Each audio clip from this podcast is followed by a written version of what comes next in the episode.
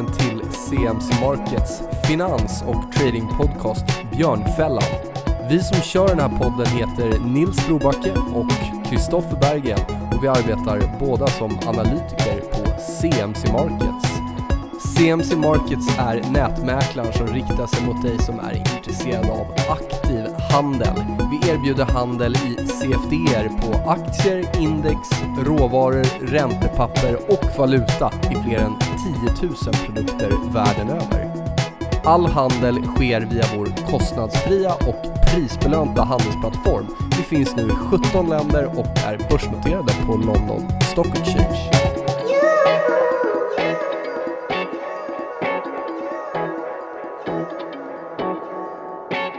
Så, då var det dags för avsnitt 46 av CMC Markets trading och finanspodcast Björnfällan. Och idag så har vi äran att gästas av, vem då, Kristoffer? Mattias Martinsson på Tundra Fonder, så det blir eh, fokus på Frontier Markets, utvecklingsmarknader, risker, intressanta bolag. Yes, så ett fullsmetat avsnitt och eh, ja, vi önskar er en god lyssning. Oh. Oh. Check it out.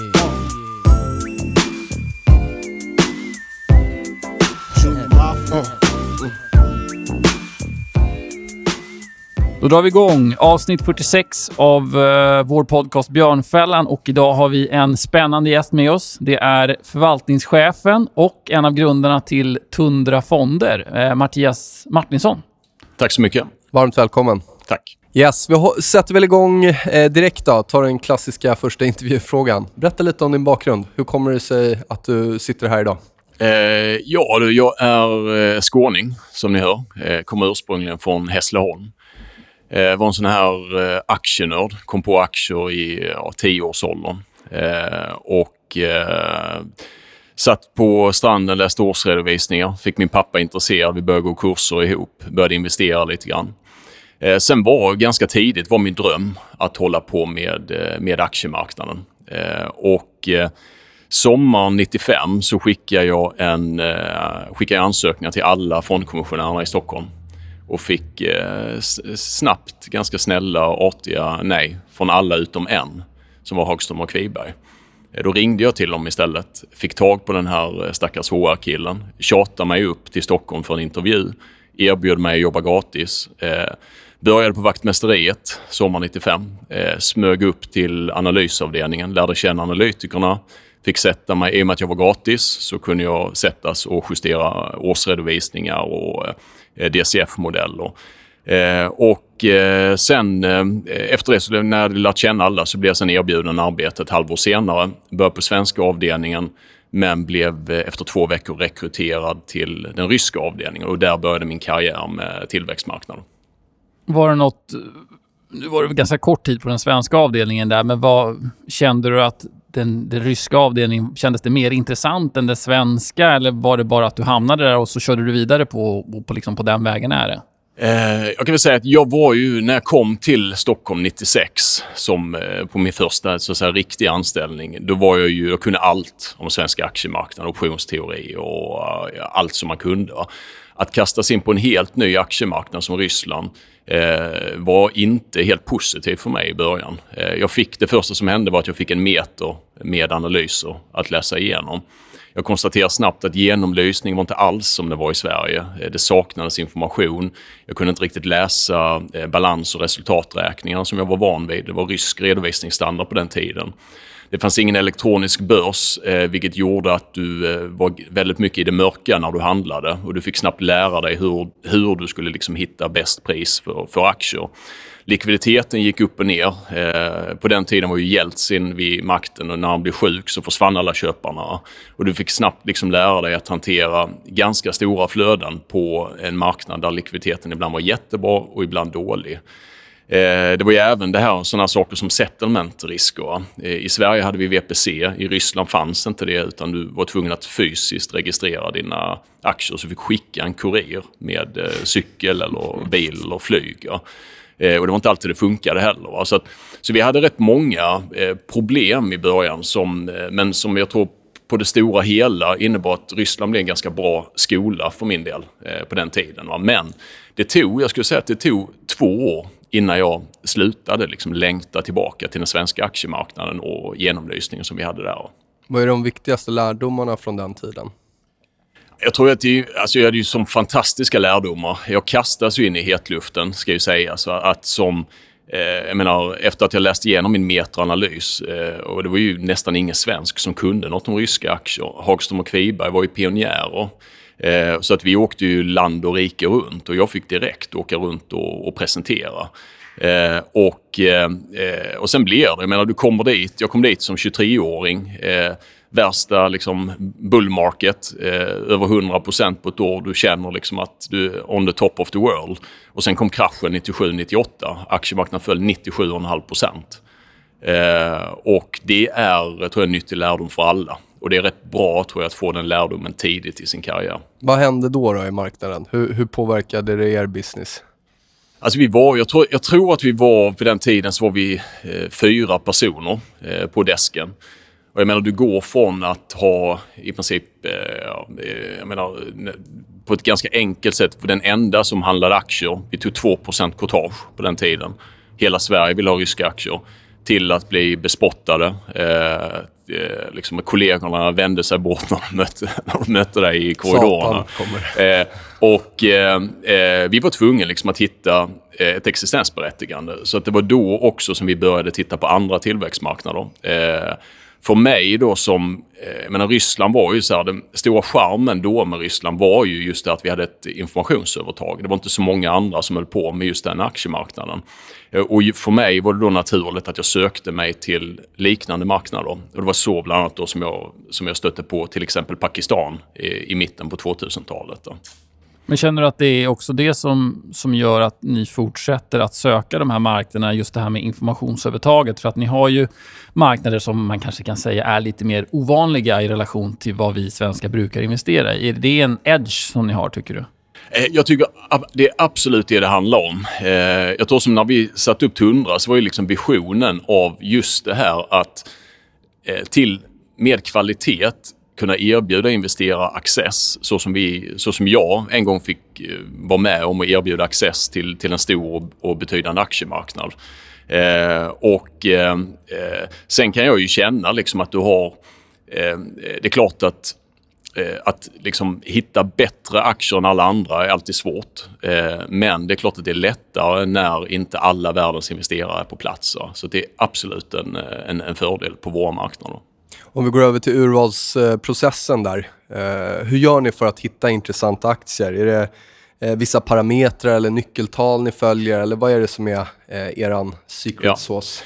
Eh, jag skulle, säga, jag skulle ta ett steg tillbaka eh, och eh, först och främst ska jag säga vad vi gör annorlunda mot andra som håller på med våra marknader. Alltså den här kategorin Frontier som är ju en som vi, man också skulle kunna kalla nya tillväxtmarknader. Det är ett, en grupp om kanske 30 länder. Tundra vi sa från början att om vi ska kunna välja rätt aktier, då kan vi inte hålla på med 30 marknader. Eh, och det är faktiskt lika svårt att lära känna en marknad som Estland, som är en frontiermarknad, två miljoner människor. Eh, eh, att, jag menar, det är en finansminister, det är en, eh, liksom en räntecykel, det är, eh, och sen en aktiemarknad med över 100 bolag som du, som du, ska, du ska lära dig att välja mellan. Antingen kan vi fokusera på den typen av marknader eller så tar vi marknader som Bangladesh och Vietnam där då 150-100 miljoner människor. Så att vi valde från början att vi måste på något sätt göra en selektion. Om vi ska kunna vara duktiga på det här, då kan vi liksom inte göra 30 marknader. Så vi har valt ut, eh, vi säger att vi gör sex eller sju, 67 marknader åt gången. Så har vi tio förvaltare och analytiker som, som eh, har möjlighet att gå på djupet på just de här marknaderna. Och de, de marknader vi väljer till att börja med är marknader med stora befolkningar eh, som kommer från en låg ekonomisk bas. Och då tänker vi så här att varför det? Jo, för att har du tillräckligt stora marknader så kommer de förr eller senare att vara intressanta för alla investerare. Eh, de är också tillräckligt stora för att kunna föda sina, vad vi kallar national champions. De kommer att ha sina stora försäkringsbolag, sina stora banker och stormarknader och så vidare. Så det är den första selektionen. Sen, eh, ska jag säga, kommer det, det, den svåra delen. Då. Att det är ju så här att du, eh, eh, menar, om du har en BNP-tillväxt på mellan 5 till 7 procent om året, va, så har du vissa sektorer som, som kommer att växa mindre och andra sektorer som kommer att växa snabbare. Vi söker oss till bolag som investerar i sektorer som vi tror kommer att växa som andel av den totala ekonomin över tiden. Eh, exempel på det kan, kan vara så enkelt som bank och finans. Eh, ta en marknad som Nigeria där du har eh, alltså privata krediter som andel av BNP på ungefär 16 procent eh, jämfört med Sverige där motsvarande siffra är på ungefär 130 procent. Då. då kan vi säga att över tiden är det sannolikt att privata krediter som andel av BNP i alla fall kommer närma sig länder som Sverige eller övriga Europa. Och då, vill man ha en exponering mot vad då? Typ en bank där kanske eller liknande? Precis. Ja. Sen kommer då nästa eh, selektion. Okej, då kan vi identifiera den här sektorn kommer antagligen att växa snabbare än ekonomin som helhet. Sen kommer nästa selektion och det är den allra viktigaste. Det är att försöka välja de bolag som kommer kunna dra nytta av det här. Det vill säga de, vi brukar säga, förenkla det till att säga något av de tre bästa bolagen i den här branschen. Och då är du tillbaka, då krävs det, då kan du inte göra 30 marknader för att det, även om vi är 10 personer, vilket är ett av de största frontierteamen i världen, så det skulle vi inte klara av. Och hur andra skulle klara av det tror jag är, eh, det, det är svårt för mig att förklara, det får, det, det, det får de berätta. Utan färre marknader eh, och sen istället gå på djupet på de här marknaderna. Skulle du säga att det är viktigare, eh, om man ska generalisera, att vara en bra stockpicker på den här typen av marknad eller kan man välja bolag som är bra, men att de sen då rider på själva ut, landets utveckling snarare än att om man är i Sverige så är, kanske man ska välja precis rätt bolag? Ja, jag tror så här att du är eh, i Sverige är det, skulle jag tro att det är ännu viktigare. Det är ännu svårare. Eh, för där har du det är ännu hårdare konkurrens. Våra marknader så är det så här att, eh, och det är rätt intressant för att jag Eh, vi har en, I vår presentation har vi bland annat en bild som i princip diskvalificerar hela Frontier-caset och hela Emerging Markets-caset. För vi visar en lista på länder i Frontier-gruppen, en lista på länder i tillväxtmarknadsgruppen och en lista på länder bland utvecklade marknader. Och vi visar att över tiden så ger alla grupperna ungefär samma långsiktiga avkastning. Eh, det vill säga 8 till 10 procent i US-dollar räknat. Standardavvikelse? Eh, den, den, har, den, har, den, finns inte med i den undersökningen, kan, kan vi kolla upp. Men, eh, och varför är det så? För att om det är så att tillväxten i de här länderna, vi vet att tillväxten är mycket högre. Den har varit de senaste 20 åren och kommer sannolikt vara de närmsta 20 åren också. Problemet är att det finns så många dåliga bolag eh, i våra länder. Eh, och oftast är det så att de stora indexaktierna är eh, kanske det stora statliga banker eller stora statliga energibolag eller kraftbolag. Kanske inte direkt representativa för eh, liksom framtidens bolag på de här marknaderna. Så att den enkla tesen att får du bort, säg, säg att du får bort de 20% sämsta bolagen från respektive marknad och kan ersätta dem med 20% bolag som är lite bättre. Då har du en överavkastning. Då kan du åtnjuta eh, också fördelarna med att den ekonomiska aktiviteten är högre på de här marknaderna. Eh, men det räcker liksom inte att eh i alla fall inte historiskt, att investera i en indexfond och, och tro att därmed kommer jag få högre eh, avkastning, för det stämmer inte. När ni väljer bolag, är det då som så att ni väljer de som har den starkaste marknadspositionen just nu och hellre betala lite mer för dem? Eller är det det traditionella att man vill hitta undervärderade bolag? Alltså vi gör ju en... Eh, jag skulle säga att det absolut första analysen vi gör är corporate governance-analysen. Att jag menar, så säkra vi kan vara på att det här bolaget kommer att eh, sköta sig mot minoritetsägarna. Det vill säga vi letar efter historiska events där de inte har skött sig. Eh, Eh, vi träffar bolaget, eh, vi går igenom liksom hur ser de på oss som minoritetsägare och får liksom en bild av, är de intresserade? Av att vi är med eller ses vi som ett hot? Då? Är ni på plats också och träffar dem fysiskt? Ja, ja. Eh, i nästan alla fall träffar vi bolagen innan vi gör en investering. Om vi inte träffar dem så är det nästan alltid att det ersätts det av conference calls och eh, menar, desktop-analys av, eh, av, av bolag. Men vi försöker alltid träffa bolagen innan för att vara säkra liksom på att, att vi, om vi investerar i det här bolaget, att vi får ta del av deras framtida utveckling. Eh, det är den, eh, jag ska säga, det är den absolut första eh, analysen som, som, som vi gör. Du nämnde det att ni är intresserade av länder med stora befolkningar.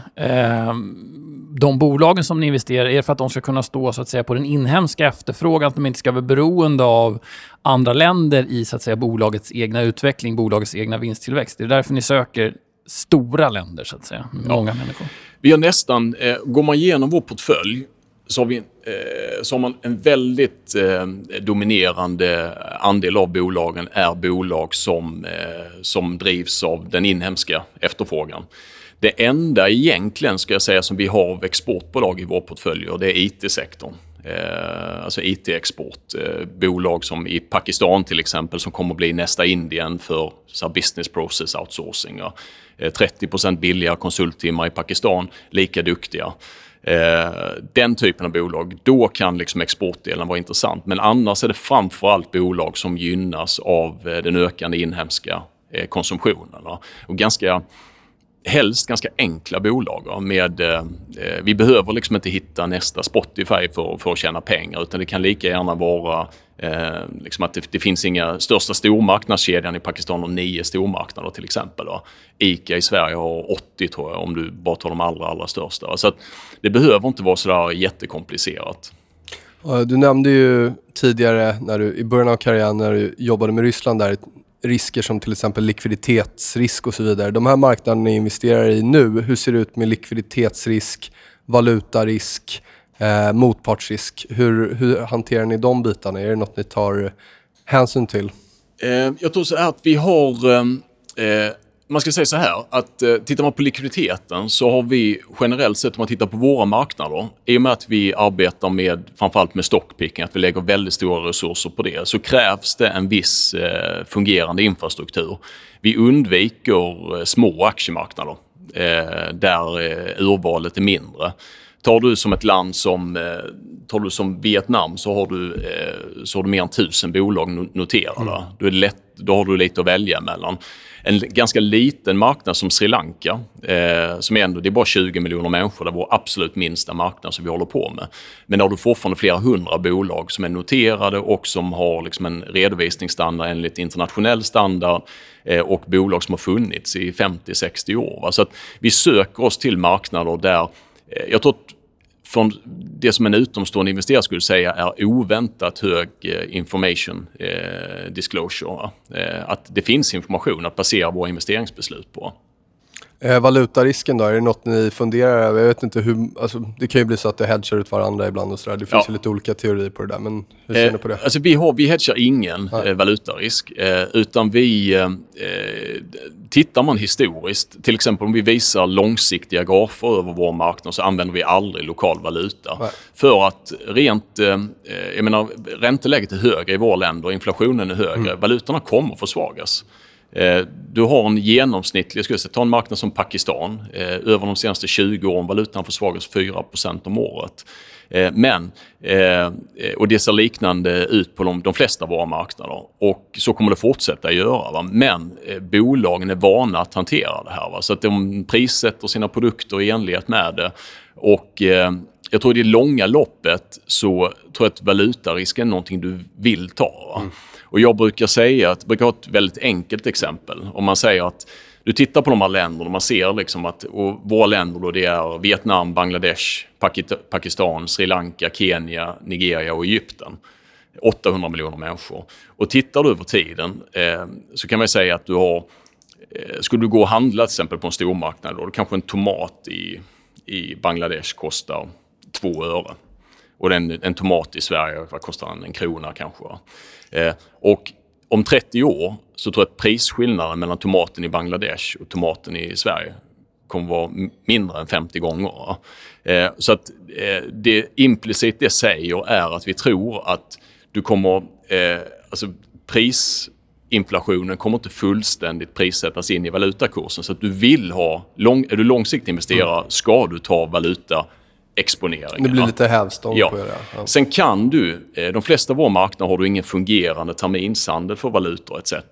Eh, men du kan få sådana här non-deliverable forwards. Mm. Men problemet är att om i Pakistan till exempel ska valutan försvagas 4-5% och du skulle be någon prissätta en forward, då skulle de prissätta den säkert på 10 Eh, och jag tror att långsiktigt är det en ganska dålig idé.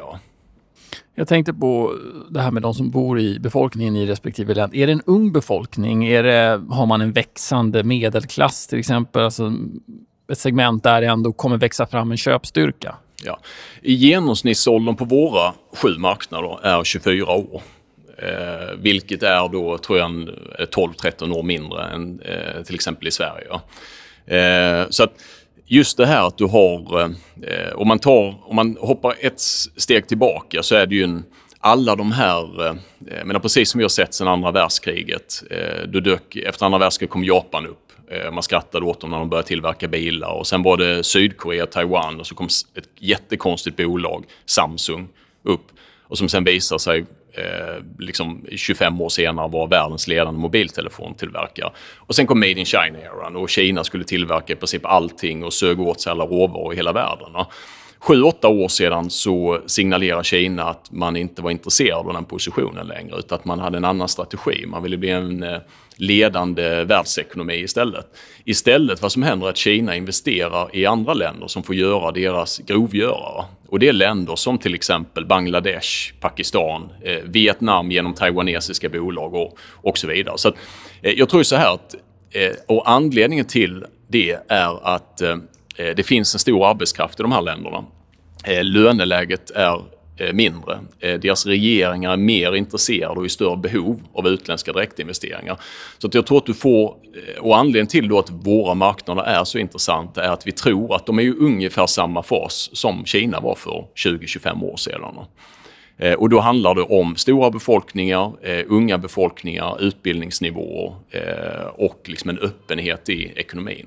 Låt oss säga att ni hittar det här bolaget som uppfyller alla kriterier som vi har pratat om här innan hur tajmar ni ett köp? Går ni in och köper bara? Eh, applicerar ni teknisk analys för att eh, försöka så att säga, komma in vid gynnsamma lägen? Eller hur, hur går tankarna där? Alltså vår screeningprocess brukar, eller eh, summerar man den så är det tre steg i den. Först har du liksom en selektion, eh, alltså möjliga mm. potentiella eh, intressanta bolag där vi gör en antingen en, liksom en fullständig DCF, det vill säga en kassaflödesanalys, eller en proxy, alltså använder multiplar, P-multiplar, price to book, ev-ebita etc. Konstaterar att här ser det ut att vara någon form av felprissättning i förhållande till så som vi ser framtiden för det här bolaget. Andra steget är att få svaret på varför. Eh, ibland är det så att det kan finnas corporate governance-problem i bolaget. Anledningen att det finns investerare som säljer den här aktien för de vet att det här bolaget kommer bete sig illa mot minoritetsägare. Det kanske är på väg någon ny lagstiftning i landet som, eh, som kommer förstöra eh, förutsättningar för verksamheterna.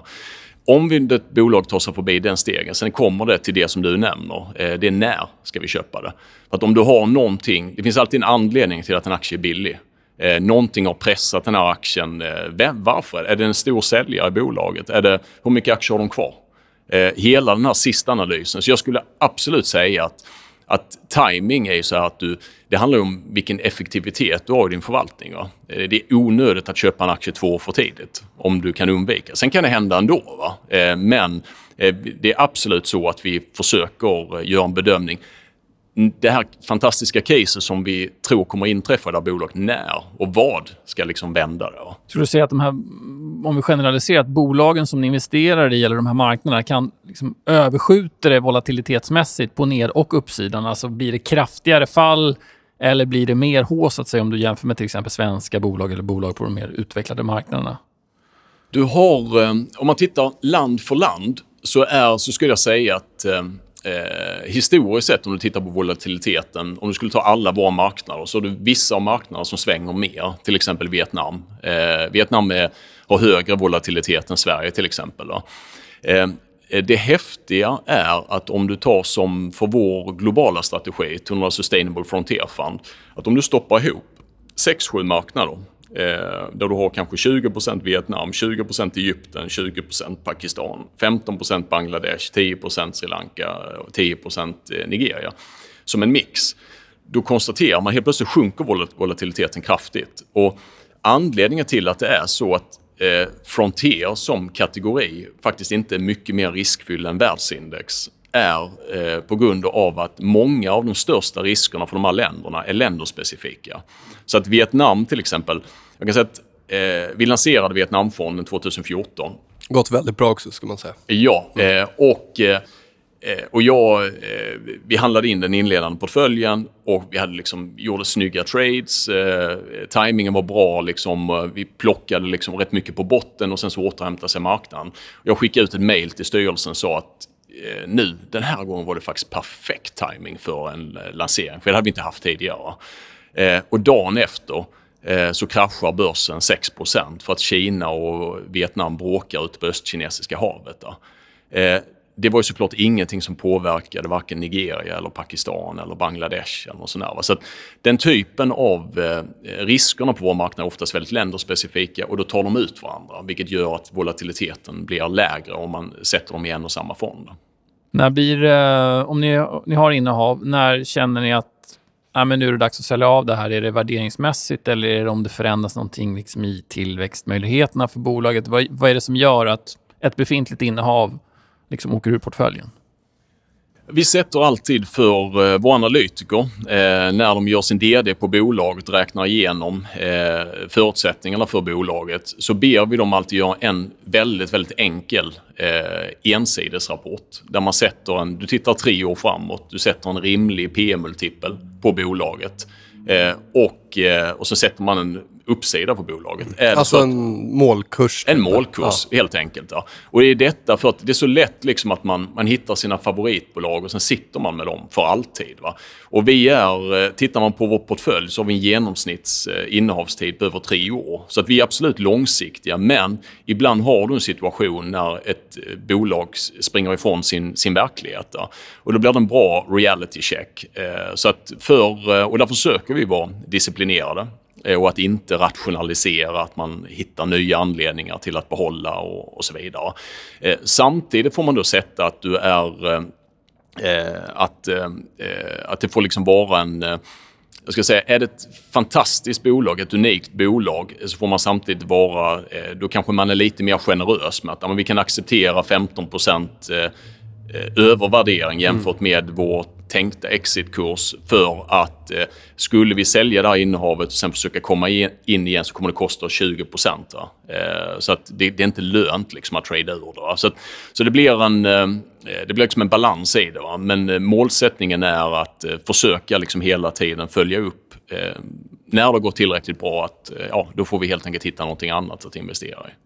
Då pratar vi ju med, eh, om uppsidan och sen har vi nedsidan också. Det är ju alltid intressant att prata i termer av risk-reward. Hur, hur tänker ni där? Har ni några, eh, du säger att ni har en målkurs på uppsidan. Har ni också någon, någon eh, risk på nedsidan där ni väljer att ta stoppen? Eller har ni någon relation där som ni alltid liksom vill ha innan ni går in i ett case? Finns det några sådana tankar? Alltså, generellt sett så kan man säga att vi är ju en usage-fond, det vill säga att vi följer 540-reglerna. Max 10 i ett enskilt innehav och de innehav som är mer än 5% måste tillsammans vara inte högre än 40 Eh, Men vi utnyttjar inte riktigt det här mandatet utan vi säger att de våra största positioner är normalt sett någonstans mellan 4 till 6 Och detta är helt enkelt för att även vi då som följer färre marknader och går på djupet och antagligen kan just våra bolag betydligt bättre än andra int- internationella investerare stöter ibland på att eh, informationen har varit felaktig eh, och vi får reda på det först i efterhand.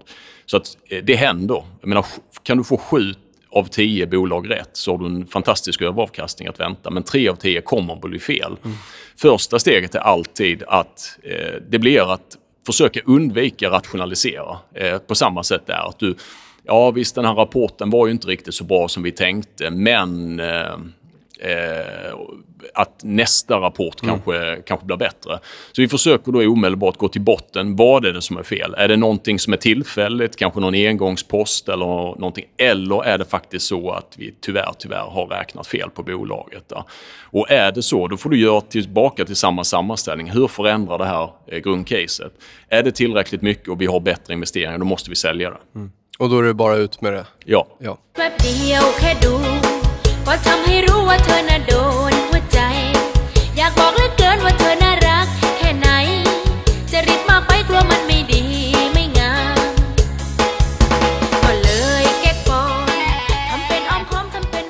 Jag tänkte just på det här med genomlysningen. Om man nu som vad ska vi säga, vanlig investerare, man köper svenska aktier, amerikanska aktier och så vidare, eh, men ändå är sugen att gå in själv, inte gå via en fond, utan gå in själv på den här typen av marknader. Är det värt att göra det försöket med tanke på hur genomlysningen ser ut? Finns det data att hämta för privatpersoner till exempel? Och kan man göra en liksom, fullskalig analys? Jag tror du kan göra det och det kommer bli lättare och lättare att göra det. Ehm, du har ju, alltså det är högt uppsatta ambitionsmål på flera av våra marknader. Eh, Vietnam satsar jättemycket just nu på bättre, bättre genomlysning i, i bolagen. Eh, inför ett, bland annat ett sånt hållbarhetsindex eh, där inklusive rapporteringskrav som ska hjälpa minoritetsägare. Sri Lanka gör på samma sätt nu. Eh, jag tror ju att du det är absolut, jag menar, ta, om du tar en av våra marknader, Pakistan. Eh, jag menar, en privatperson som har i alla fall en, ja, ett par hundratusen kronor kan kontakta en lokal mäklarfirma, eh, någon av de bättre, eh, sätta upp ett lokalt konto. Det är en liten process, men det går att göra. Då. Eh, Lite högre courtage kanske också? Ja. Eh, jag kan bara säga som jag som exempel som investerare. Jag har ju helt, jag menar jag är ju gammal aktienörd så jag hade en gammal portfölj. Va? Men sen jag började med Tundra så har jag liksom bara gradvis avyttrat det och stoppat bara i våra egna fonder. För jag känner själv inte riktigt att jag skulle hinna med att, eh, att titta på enskilda aktier. Eh, mitt generella råd, och med risk då att det är någonting då som talar för just oss, va? det är ju att, att använda liksom din eh, analys till att försöka vara alltså klipsk i termer sunt förnuft. Eh, vilka marknader tror jag på i framtiden? Men försöka använda fonder. Eh, för att det är ett väldigt... Det, det är ganska svårt eh, att gå ner på aktienivå. Eh, och, eh, det, även för oss. Om vi går in på specifika bolag då, som ni har i fonderna. Har du några darlings? Tittar man på enskilda case så pratar vi ofta det här som jag sa i början att vi försöker hitta bolag som är verksamma inom sektorer som vi tror kommer växa snabbare än ekonomin som helhet. Och det kan ju vara, det kan vara allt möjligt. Va? Det kan vara Eh, till exempel en, som vi har en vietnamesisk glasstillverkare brukar kalla det Vietnams GB-glass, eh, eh of Frozen Foods. Eh, de köpte Unilever Walls eh, 2004 och Walls är det som i Sverige kallades eh, GB-glass. Eh, och idag har de 40% marknadsandel i Vietnam. Eh, du har 70 000 frysar runt om i hela Vietnam. Det är 90 miljoner människor i, i Vietnam idag. Eh, 400 frysbilar som kör runt och tar marknadsandelar. Eh, ett av Vietnams eh, fem mest kända varumärken. Alla, alla vietnameser vet vad Kiddo är. Eh, och, men glasskonsumtionen i Vietnam idag är ungefär 400 gram per person och år. Och det kan jämföras med... det är den dagliga konsumtionen i Sverige. det kan jämföras med 10... eh, enligt de siffror jag har så är det 10 kilo per invånare. Det tycker jag låter mycket. Men det är nog inte... så så är det tydligen. Då. Och vi tror ju så här att om du har en, ungefär en tredjedel av människorna som bor i städerna idag, det flyttar in 3 det vill säga 3-4 miljoner människor varje år till städerna. Och då får de en lägenhet, de får en frysbox. Eh, så vi tror ju att de här 400 grammen per invånare kan växa ett antal gånger i alla fall eh, de kommande 5-10 åren. Så att om ekonomin då växer 6-7% om året så tror vi att glasskonsumtionen kan växa 15-20. Mm. Och då är det strukturell tillväxt. Så det är ingen kulturell skillnad där som skulle göra att de inte äter glass som vi gör utan snarare möjligheten Nej. till att förvara den? Och... Jag tror inte det. Och är man, går du nu på gatorna i Ho Chi Minh City så kan du se liksom att konsumentbolagen är extremt aktiva. Och man är liksom inte Eh, här i Sverige är vi nästan rätt, vi är rätt skeptiska liksom, till reklam. Vi har lärt oss det där va? Eh, med åren att ah, men där är ytterligare en jäkla säljare som försöker ge mig en bit ost eller något sånt där. Va? Men eh, i Vietnam är det ju det är liksom happenings. Va? Eh, och Kiddo är ett av de namnen som du alltid ser. Eh, så det är ett exempel. Eh, ett annat exempel är eh, försäkringsindustrin i Pakistan där vi äger ett bolag som heter Adam G Insurance. Eh, det näst största försäkringsbolaget i Pakistan idag eh, med något börsvärde på ungefär 1,3 miljarder kronor. Eh, och ägs av den mest konservativa bankkoncernen i Pakistan som heter MCB Bank. För ett försäkringsbolag så vill vi ha konservativa ledningar. För att tillväxtmöjligheterna är så stora ändå. Och Det är egentligen det enda sättet du kan gå bort dig på det är om du slarvar med din riskhantering. Eh, försäkringspremier som andel av BNP i Pakistan är idag under 1 eh, jämfört med åt, mellan 8 och 9% i OECD-länderna. Men eh, nu håller Kina på... Eh, Pakistan är ju startpunkten för Kinas där One Belt One Road, den här nya silkesvägen. Absolut. Man börjar i, i Pakistan, investerar någonstans mellan 60 miljarder dollar och uppåt eh, de kommande 15 åren, 30 procent av BNP. Eh, och då tror vi att det kommer vara mer transporter i Pakistan, det kommer byggas mer. Eh, byggs kraftanläggningar eh, och eh, man bygger vad som ska bli en av världens största djuphavshamnar i sydvästra Pakistan. Så att, eh, jag tror att eh, behovet av försäkringar kommer att öka eh, och att Pakistan över de närmsta 20 åren kommer att närma sig det asiatiska genomsnittet som är cirka 5% av BNP. Så att växer då ekonomin någonstans mellan 5 och 6% om året eh, så tror vi försäkringen kan växa i alla fall det dubbla. Eh, och det här bolaget är P7, eh, direktavkastning på över 5 eh, stora övervärden i investeringsportföljen eh, och som sagt en, en väldigt, väldigt bra ägare. Eh, där känns det ju spontant för en lekman som mig att de politiska riskerna borde ju vara ganska höga i ett land som till exempel Pakistan. Är, fokuserar ni på sånt eller tar ni in de liksom, analyserna eh, utifrån eller har ni den kompetensen att ha koll på det? Eller hur, hur agerar man där? Jag tror att det är med att vi gör färre marknader, 6 till 7 marknader istället för 30. Eh, så det är lättare för oss än vad det är för, för många andra.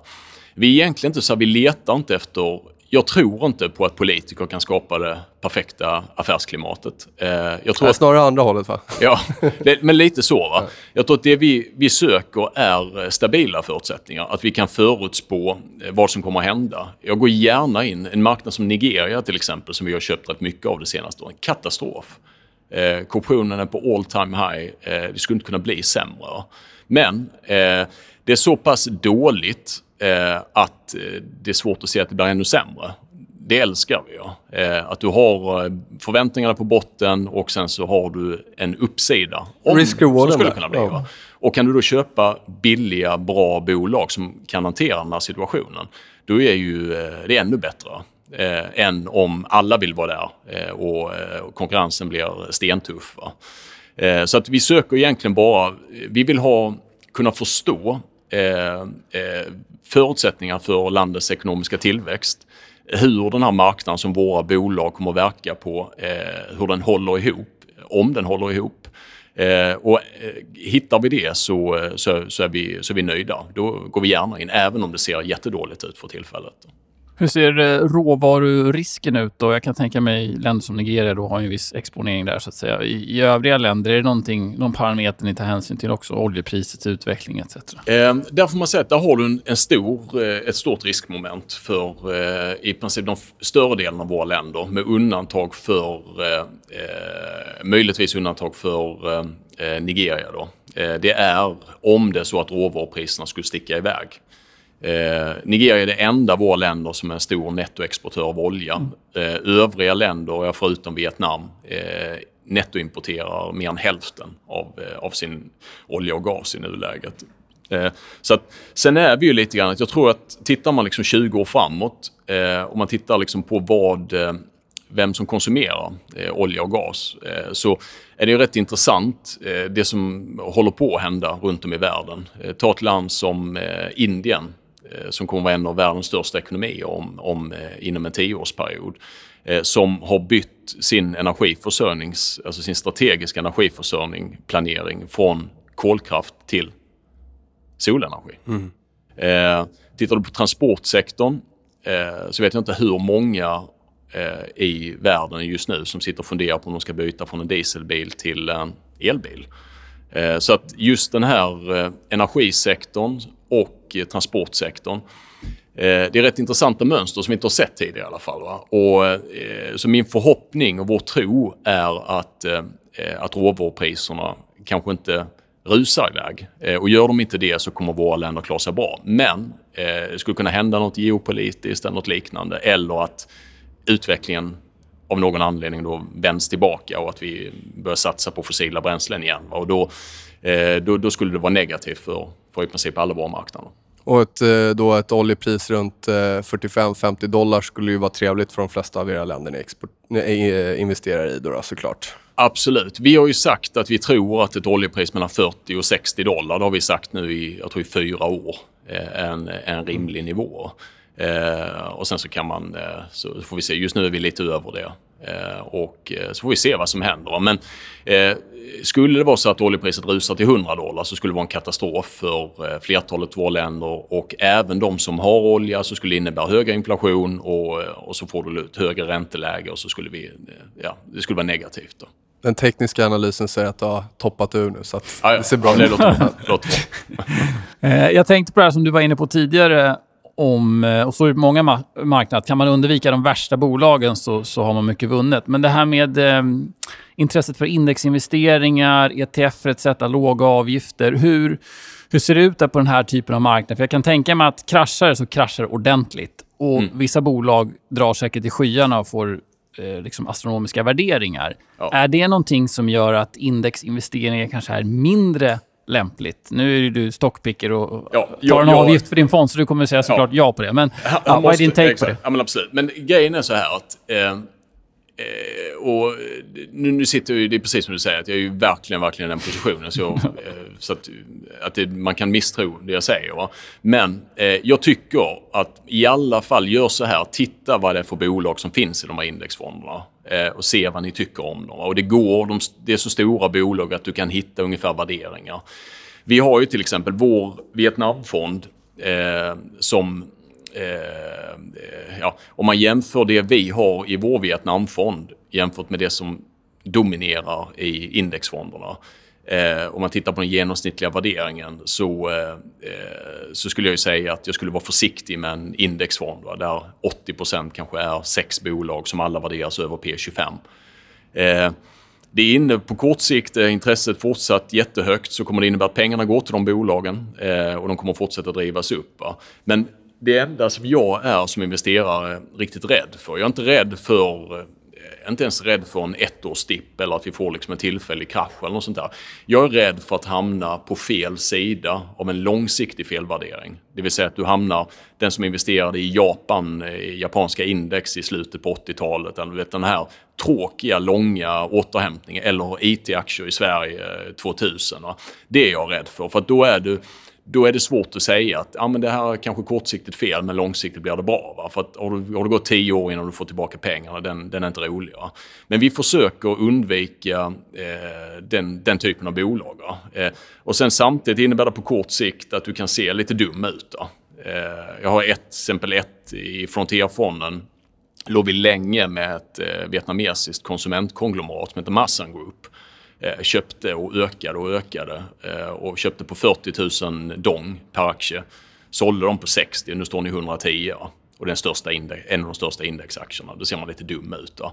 Men eh, jag menar i slutändan så handlar det för oss om att hitta rimliga värderingar, köpa tidigt och när vi är nöjda med investeringen då hittar vi någonting annat som vi köper istället. Då. Och jag tror i det långa loppet så, så, så, så tror jag på det. Eh, en annan, ett annat problem med indexfonder, inte så mycket i Vietnam för det är en ganska billig marknad att handla, men om du tar de afrikanska marknaderna till exempel, ta en marknad som Nigeria. Så även om du får lägsta möjliga kotak så kostar det 1,5% att göra en affär. Och har du en indexfond, som en, det finns en Nigeria ETF till exempel, och du säger att du skulle få kraftiga inflöden och sen utflöden och så inflöden igen. Va? Du kan riskera att bränna inte bara de vanliga 2 sämre än index som alla indexfonder levererar, utan det kan bli eh, läskigt mycket mer. Va? Så, att, så man får också titta på det här. Eh, Men jag brukar säga så här att om man är intresserad av att gå in och späcka, eh, att du vill gå in och späcka i Pakistan eller Vietnam på tre månader. Eh, marknaden som är ganska billig att handla och som menar, eh, tror du att hela marknaden ska sticka iväg och du är kortsiktig, ja, då kan du absolut köra en indexfond istället. Långsiktigt sparande ska man försöka hitta tror jag, en duktig aktiv förvaltare som undviker de här värsta långsiktiga fallgroparna.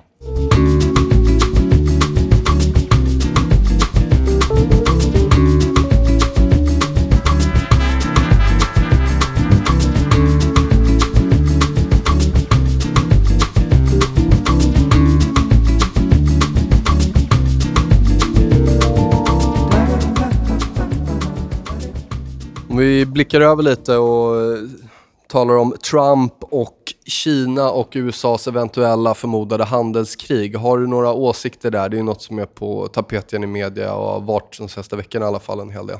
Vi har ju, eh, alltså om vi tittar på 2016 efter att Trump skulle jag säga, chockartat kom till makten. Eh, så eh, dagarna, eller veckorna därefter var det ganska oroligt i Vietnam. Vietnam är ju eh, den av våra marknader som har absolut högst andel, 200% av eh, BNP, export och import. Där. Man pratar om det här slutet på globaliseringarna. Eh, det som hände var att 2017 så ökade direktinvesteringarna i Vietnam med 40 procent. Alltså tillkännagivna direktinvesteringar till en all time high på 17 procent av BNP. Asiatiska länderna står ju för över 90 procent av, av investeringarna i, i Vietnam. Eh, det som också hände var att veckorna efter Trump cancellerade TPP, eh, Trans-Pacific Partnership, eh, så kom Kina och föreslog ett nytt, ett ekonomiskt Regional Cooperation of Economic Partnership som är de asiatiska länderna, men den här gången inklusive Kina.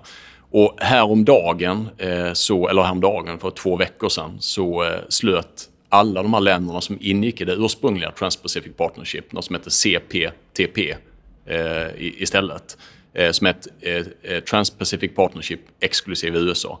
Och nu säger USA att om villkoren är tillräckligt bra så kan vi tänka oss att komma tillbaka. Jag tror att globalisering är oundviklig. Eh, jag tror att alla kräver att, eh, eh, jag menar jag tror inte att USA vill bygga sin ekonomi på att sticka strumpor utan det är bättre att de strumporna görs av någon annan där löneläget är lägre. Eh, och jag tror att alla förstår det egentligen. Jag tror inklusive Trump. Eh, så det är lite mer förhandling än, än att stängas ute kanske? Jag tror det. Sen så får man ju säga liksom att du är, eh, det är som någon, eh, jag menar att förutspå liksom hur långt USA är villiga att gå, eh, det går ju inte eh, i den här frågan. Eh, och Eh, så att det går liksom inte att... Eh, man kan inte utesluta att man faktiskt bestämmer sig för att sätta pistolen mot, eh, mot huvudet. Då. Men eh, om det är så att man skulle inleda det här, det skulle bli ett handelskrig, så är det ju, eh, skulle det få, tror jag i alla fall, ganska allvarliga konsekvenser för inflationen. och framförallt kanske i USA, kan jag tänka mig. Eh, och då är det högre räntor och då är det ett ganska tråkigt läge för hela mm. världsekonomin. Mm. Så jag hoppas att det finns rim och reson under tiden så eh, när USA tar ett steg tillbaka så hoppar Kina då gladeligen in. Då. Eh, den här One Belt One Road-projektet, investeringar i Pakistan. De har köpt in sig i pakistanska börsen, köpt in sig i Bangladesh börs, eh, kommer snart köpa in sig i Sri, Lan Sri Lankas börs. Eh, och eh, är ju en, eh, ganska nöjda tror jag med, med mm. det som USA håller på med just nu. Är det något annat land där just eh, i relation till One Belt One Road som kommer bli intressant när det projektet väl drar igång på allvar? Um, jag tror alltså att hela... Uh, om man tittar liksom hela den här uh, centralasiatiska delen uh, i och med uh, Eh, startpunkten är eh, i Pakistan och sen så drar man, eh, så kommer det byggas en ny hamn som ska bli större än Dubais hamn i Gwadar i Balochistan i Pakistan. Jag tror att de länderna, den, hela den här regionen med länder som kan tänkas liksom koppla på sig på det här är nog intressant. Men jag har nog inget så här särskilt land där det finns en bra aktiemarknad som, som jag skulle kunna tänka mig. Ja. Ehm, eh, I det långa loppet så tror jag att den som kommer att dra indirekt eh, benefiter av det är Iran till exempel. Eh, Iran är ju det är på gränsen till Pakistan, så Gwadar ligger ju 60 kilometer från från iranska gränsen. Men där har du å andra sidan andra problem va, som, som kanske försvårar en investering. Då. Men är det ett land som hamnar utanför er? Så att säga, för ni har väl ett ESG-tänk etc. Det hamnar det utanför er radar? Vi har, eh, vi har tittat mycket på Iran. Eh, jag var där första gången för tre år sedan. Eh, och vi konstaterar ju liksom att vi har en del förutsättningar som måste vara på plats för att vi ska kunna investera. Och en av de första förutsättningarna är ju att vi ska kunna erbjuda transparens och säkerhet. Och med säkerhet säger vi att, en, att Investerarna kommer alltid få ta risken på de underliggande marknaderna. Men du ska inte behöva ta några andra risker. I Iran har vi konstaterat att så länge det inte finns ett säkert sätt att förvara våra aktier för kunderna eh, eller ett säkert sätt att hantera betalningarna eller att, vi, eh, att det finns risker för att, eh, att du får en smittoeffekt med menar, nya sanktioner etc. Eh, så kommer vi inte ta den risken för, för kunderna. När vi känner att det är säkert så är det en jätteintressant marknad för oss. Någon annan marknad som är intressant men inte riktigt uppfyller alla kriterier än? för framtiden? Nej, Alltså, vi har ju det är många som pratar om de här nya asiatiska länderna, Kambodja, Myanmar och, och så vidare. Problemet med dem eh, är ju så här att det är säkert ett spännande läge, men då får du nog gå på private equity för att det finns nästan inga. Jag tror i Myanmar finns väl två noterade aktier. Många info, Tuff inve, fond. investerare som frågar liksom, varför, varför äger ni inte i Myanmar? Long short. Jag tror så här, ja precis. Det är liksom, eh, vi, vi är vana att välja mellan hundratals bolag. Det är det vi tycker om att göra. Va? Eh, och eh, jag menar, det, Ja. det, Nej, går, jag inte, det går inte riktigt. Än så länge.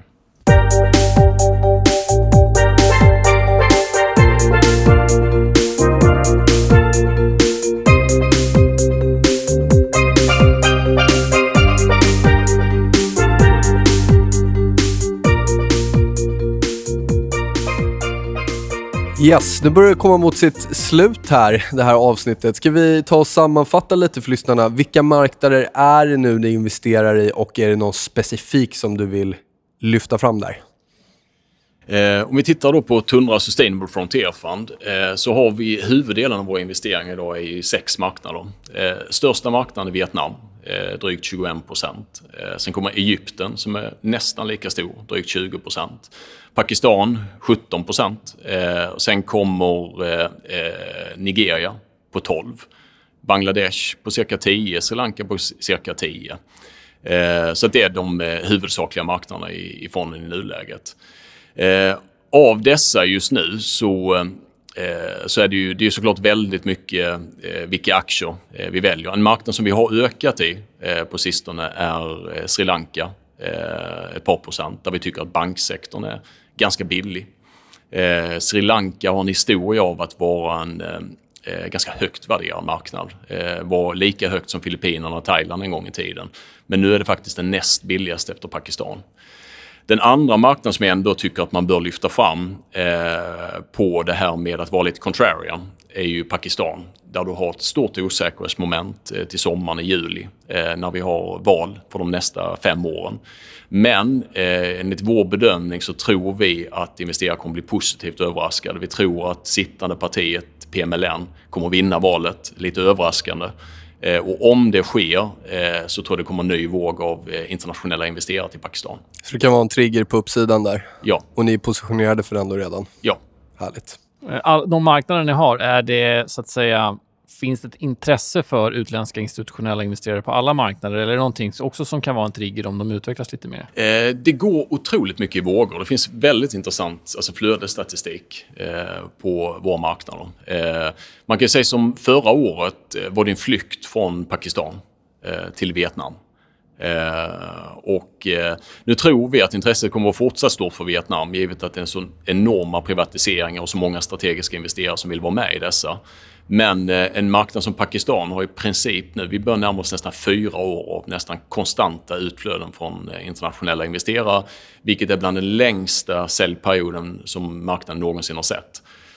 Så att det är alltid så här, jag brukar säga att liksom tops and bottoms are for fools. Eh, men jag tänker att är man, tänker man sig ändå att jag går in på 5 till 10 års sikt, då, då är det ju ett läge när i princip alla har sålt som, som, som är lite kul. Va? Om du har värderingar och då ja, osäkerhetsmoment som du förstår i alla fall va? Eh, och som sannolikt då är mer än prissatta eh, i marknaden.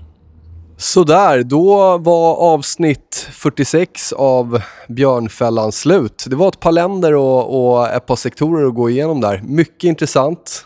Kristoffer, har du, du något sista där du vill fråga om eller? Nej, om man vill läsa mer om er, er förvaltningsfilosofi etc. är det tundrafonder.se kanske?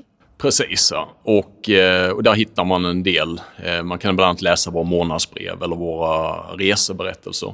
Eh, och också läsa om vårt hållbarhetsarbete som är en central punkt. Och ni finns tillgängliga på de vanliga fondhandelsplattformarna. Vi finns i princip överallt nu. Eh, vi har haft en, eh, jag ska säga, en ganska fantastisk breddning eh, det senaste året. Vi har gått från ja, cirka strax under 2 miljarder kronor till 4 miljarder nu i förvaltat kapital. Fantastiskt, grattis. Eh, så att det har varit en jätterolig period där vi verkligen blivit belönade. Är det daglig likviditet? Ja, i alla fonderna är det. Då säger vi så. Stort tack. Ja, tack så mycket. Ha det gott. Ha det gött. Tack.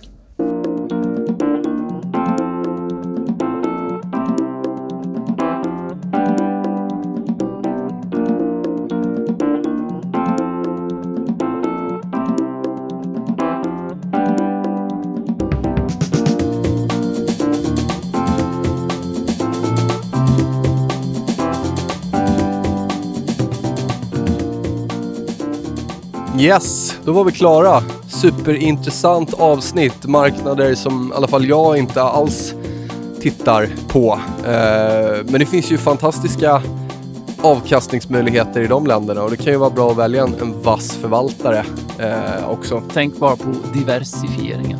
Just det. Frågor, funderingar, tveka inte att höra av er till oss. Kundservice, hashtag björnfällan eller bara slå oss en signal. Eh, missa inte Trade CMC, vår nyhetssida tillsammans med Finwire där ni hittar ja, det mesta som vi gör. Eh, externa krönikörer, analyser och så vidare. då. Då tackar vi för att ni lyssnade på det här avsnittet och jag önskar er en fantastisk dag. Hej då!